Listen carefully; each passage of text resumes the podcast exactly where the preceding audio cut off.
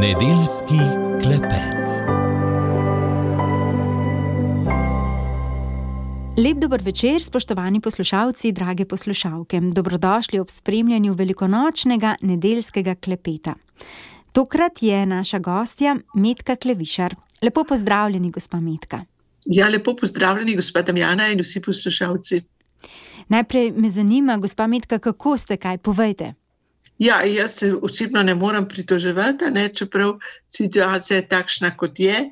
In jaz mislim, da moramo to takšno sprejemati, in letos bomo praznovali spet praznike v prav posebnih okoliščinah. Uh mhm. -huh. Kakšno pa je vzdušje v domu svetega Jožefa? Moram reči, da je dobro in da se imamo lepo. Ne vem, če ste videli tudi ta filmček, uh mhm.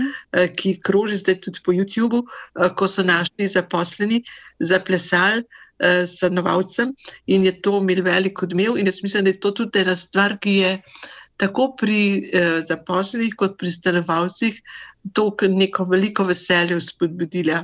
Ja, tudi jaz sem videla ta filmček, res uh, zelo simpatičen, tudi da en tako pogled v zakulisje, torej uh, kdo vse je potreben, da dom za starejše dobro funkcionira, ker veliko ljudi je zaposlenih. Sem se pa spraševala, koliko časa so potrebovali, da so zvadili vse, vse je tako zelo usklajeno. Nam lahko zaupate kakšne podatke, take zakulisne, kako so pripravili ta ja, ples?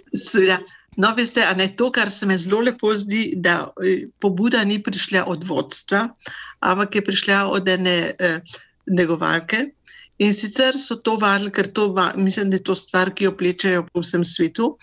In so vadili, recimo, kaj se je mogoče nekaj tednov, uh, in sicer so vadili po nekaj minut, med svojo službo, po svoji službi, po nekaj so pa vadili tudi doma, nekaj skupaj, mhm. nekaj doma.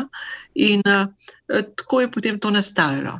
Res je prav ganljivo na, na nek način, pa tudi uh, potrebni smo takih pozitivnih novic in spodbudnih. In ta filmček vaših zaposlenih, ki so zaplesali na pesem Jeruzalema, je res zelo simpatičen. No, ampak zdaj pa k srednji temi tokratnega klepeta, ki je seveda Velika noč, Kristijani praznujemo veliko noč kot zmago življenja nad smrtjo. Danes praznujemo največji čudež in temelj naše vere, ki je ustajenje Jezusa Kristusa od mrtvih. Že lani je bilo praznovanje velike noči zelo okrnjeno in tudi letos epidemija in vsi ukrepi povezani z njo še zelo močno krojijo naša življenja. Seveda je vprašanje, ali je praznovanje res bistvo velike noči. Zato me zanima, gospa Metka, kaj vam pomeni velika noč. Ja, za me je velika noč največji praznik in v uh, veliki noči je pravzaprav zaobjeta vse, kar je bistvo, kar je vsebina naše vere, ne?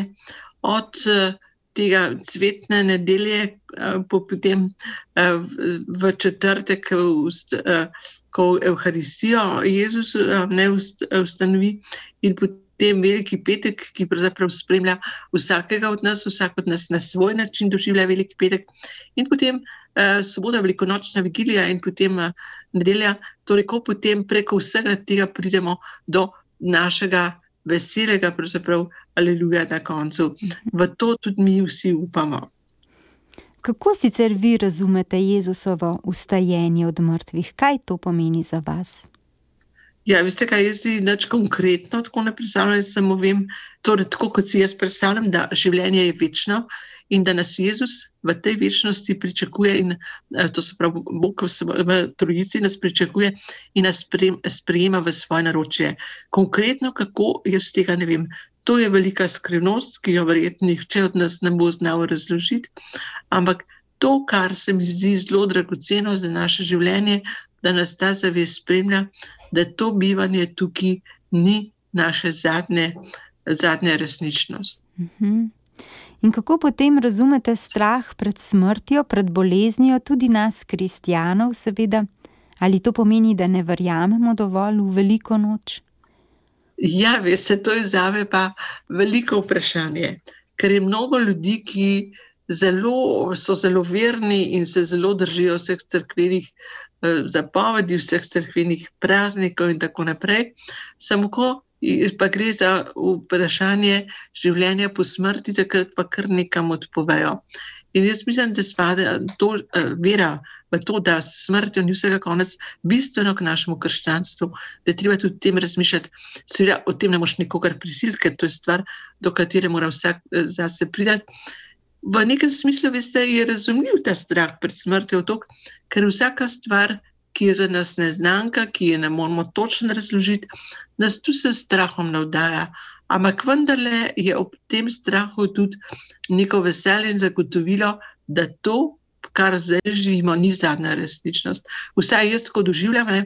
je pa tako, da to je zelo osebno doživljanje in jaz ne morem nikomor očitati, če tega ne doživlja tako. Jaz lahko samo povem, kako jaz to doživljam. Uh mhm. -huh. Sem pa uh, ravno pred uh, dnevi prebirala vaš uh, blog, ki ga pišete tudi in je objavljen na spletni strani Doma svetega Jožefa in pišete pravzaprav prav o tem. Ja, no se to. Je seveda, to se ponavlja, se, se, to, o čemer zdaj govorimo, to se med ljudmi nami ponavlja. In ravno to, vredno je to, kar sem pisala o tem, kako ljudje preprosto temu ne verjamejo. Pa so celo življenje, lete, celo življenje so živeli to krščanstvo, celo življenje so verovali, celo življenje so bili prepričani, kako so dobri kristijani, in potem na zadnje ne verjamejo to. Ne verujejo v to, kar je za moje pojme bistvo krščanstva. Si mislite, da če bi bila naša vera trdna, bi drugače sprejemali vse, kar se dogaja okoli epidemije? Ja, jaz mislim, da ja ne samo to, da bi verjetno lažje živeli. Gre za to, ne, da če človek to sprejema, potem tudi veliko lažje živi in zato gre veliko bolj veselo, čeprav lejte, vsakega od nas doletijo tudi težke stvari. Vsak od nas gre tudi svoj, skozi svoj veliki petek, temu se preprosto ne moremo izogniti. In, ampak ne, ne moramo reči, to se samo meni dogaja, čeprav takrat, ko se ti to dogaja, imaš občutek, da si ti najbolj ubogi na svetu, ampak nihče od nas ni najbolj ubogi, ker vedno najdeš druge, ki so še resnično bolj ubogi. In pač, ne, če bi mogoče malo več razmišljali tudi o tem, bi bilo morda lažje. Ampak, te, kot sem že rekla, to je težko kar ukazati. Verovati ne moš na ukaz, veruješ lahko, sam je pa o tem treba razmišljati mogoče pa tudi moliti za to. Jaz mislim, da je molitev tudi zelo pomembna. Kako mislite, da bi lahko okrepili vero? Ja, vse, kar treba je preprosto eh, začeti živeti. Jaz mislim, glede, če bi že za to, recimo, vsak dan moliš tudi za vero. Vsak, zdaj se tudi zelo veliko moli za srečno zadnjo uro. Mislim, da je tudi to pomembna molitev. V tej molitvi spada še nekaj, kar je pa tudi zelo pomembno: molitev za zdravo pamet. Se vam zdi, da je manjka danes? Ja, veste kaj, včasih je, da so včasih veliko molitev za zdravo pamet. In jaz mislim, da je molitev za zdravo pamet tudi zelo pomembna, ker ti zdrava pamet pomaga tudi k temu, da k spoznanju o vsem bistvenem, ki ga mi vsi zelo potrebujemo. In nam vsem veliko krat manjka to spoznanje bistvenega. Vse veste, mi vsi se tukaj lovimo, včasih bolj, včasih manj. Ampak, če ti celo življenje za to tudi moliš in si prizadevaš, je mogoče več možnosti, da boš tega potem tudi deležen. Uh mhm. -huh. Ampak, lahko zdaj navedete kakšen primer te zdrave pameti ali pa pomankanja zdrave pameti? Ja, veste kaj, teh primerov imamo lahko veliko, še pa še ne. Uh, prvič je to, kako uh, si ti prepričan, da ti vse veš, da ti uh, lahko o vsem presojaš. To je že pomankanje zdrave pameti. Potem, kako si ti, recimo, kako si ti več veš kot drugi, kar nihče od nas ne more več vedeti. Mi vsi smo potrebni tega spoznanja, mi vsi smo veliko krat tudi majhni in ubogi. In uh, to je tudi stvar zdrave pameti, da priznaš svoje, svojo majhnost, svojo pomankljivost, svojo potrebnost, tudi potem, kako si potreben pomoči, ne samo od ljudi, tudi potreben pomoči od Boga. No, včasih se mi zdi, da vsa naša dejanja in dejavnosti odsevajo strah pred smrtjo v tistem najglobljem smislu. Eh, zdi se mi, da se to tudi v tej epidemiji zelo izrazito kaže. Gospa Medka, kako bi vi nagovorili, opogumili vse tiste, ki nas je smrti strah? Ja, jaz si ne domišljam, da jaz to znam. Jaz mislim, da je to zelo težko, ampak da je o tem treba razmišljati. Jaz mislim, da od samega nagovora se jaz težko predstavljam, da bo ljudje naenkrat pa kar verovali in da jih ne bo več strah. Jaz samo zase rečem, da jaz v to globoko verujem in da meni to zelo pomaga živeti in da bi vsem želela, da bi se lahko življenje veselili in verovali, da je pravzaprav vse, kar tukaj doživljamo, priprava na to, kar bomo potem. Jaz sem zdaj pred. Eh, včeraj, predvčerajšnjem, na, eh, torej na Facebooku pisala eno zgodbo, ki se mi zdi pa zelo pomembna. Mhm. Poglejte, nekdo, nekje so praznovali 80-letnico ene stare gospe in je eh, 80 let je bila stara, eh, veliko je bilo takih njenih eh, eh sovrstnikov tam in en gospod, njen znanec, imel pa slavnostni govor in je rekel, tako zdaj se moramo zavedati, da mi zdaj igramo podaljšek. In uh, igra je pravzaprav končana, ampak rezultat bo znan po tem podaljšku. Pomembno je, kako ta podaljšek živimo. In jaz sem potem razmišljala, da mi vsi živimo v mojih letih ali pa še starejši podaljšek. Zelo različno. Enega živijo tudi v posteli, drugega živijo tako drugače. In kako pomembno je, da znamo ta podaljšek živeti tudi z enim upanjem, da po tem podaljšku pa pride konec te igre in pride dober konec, in se bomo tega konca lahko veselili. Kakšna lepa, lepa prispodoba. Ja, meni se zdi tudi lepa. Torej, gospa Metka, vi živite že nekaj let v domu svetega Jožefa. To zadnje leto je bilo res um, posebno. In um, me zanima, kako se stanovalci v vašem domu spoprijemajo z minljivostjo, s končnostjo tega življenja in z upanjem. Ja, mislim, da. Vse tako je tudi stanovalci, mislim, da je to v vsakem domu, ne samo pri nas, smo zelo različni. Ne, tako kot imate v enem velikem bloku, zelo, zelo različne ljudi, eni tako, drugi drugače, je tudi v takem domu. Ampak torej, jaz mislim, da mnogi stanovalci zelo lepo to sprejemajo, se zavedajo, tudi svoje starosti, se zavedajo o tem, da se jim življenje izteka in da ne komplicirajo, da se morajo spoprijemati z marsikatero težavo. In jaz mnoge občudujem, kako to znajo. In jaz mislim, da tudi ta, to leto, ki je bilo gotovo zelo težko za vse, kjerkoli smo, ne samo v Sloveniji, tudi po celem svetu, tudi mnogi so preboleli um, okužbo z virusom. Mnogi so bili v rdeči coni, ker tudi ni bilo tako enostavno, ampak mnogi so to prestali, čeprav si pred tega niso predstavljali, da bojo. Tako da smo tudi stari ljudi eh, eh, tukaj v domu občudovati.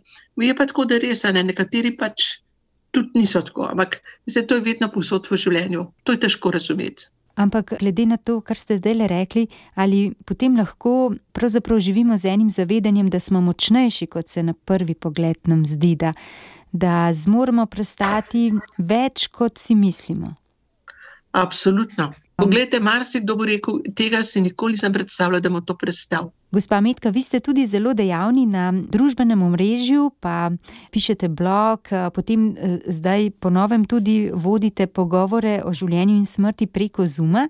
Pa me zanima, kako se vam zdi te novodobne informacijske tehnologije, nam olajšajo življenje ali nam ga siromašijo? Ja, torej zase osebno bi rekla, da to občutim kot olajšanje. Zdaj bi težko marsikam šla, pa se pozumem, da marsikaj urediti, recimo za kakšno predavanje, za kakšno pogovor in tako naprej.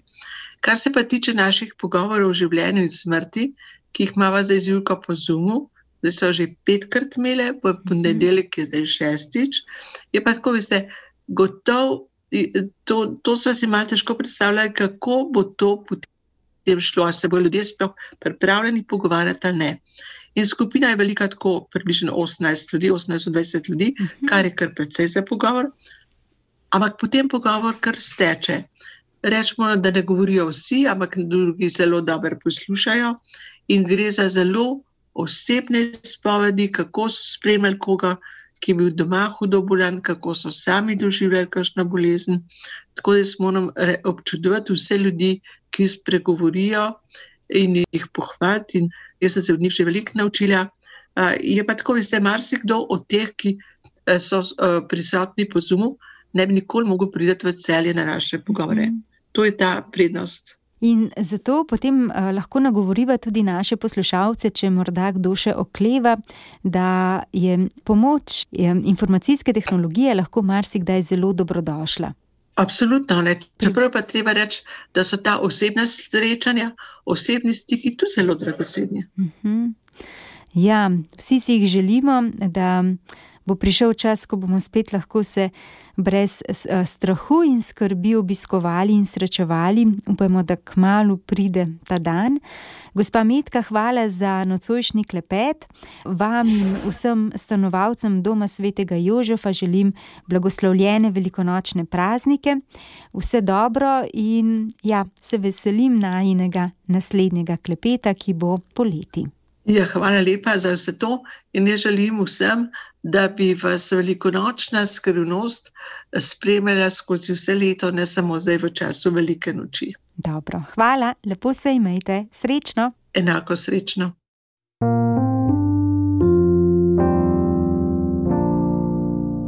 Spoštovani poslušalci, drage poslušalke, poslušali ste nedeljski klepet, tokrat z Metko Klevišar. Prolepa hvala za vašo pozornost in lep večer še naprej. Od vas se za nocoj poslavljava tehnik Matej Kržišnik in voditeljica Damjana Medved.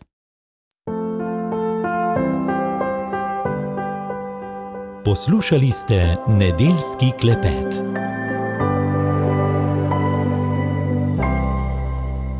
Hvala za poslušanje.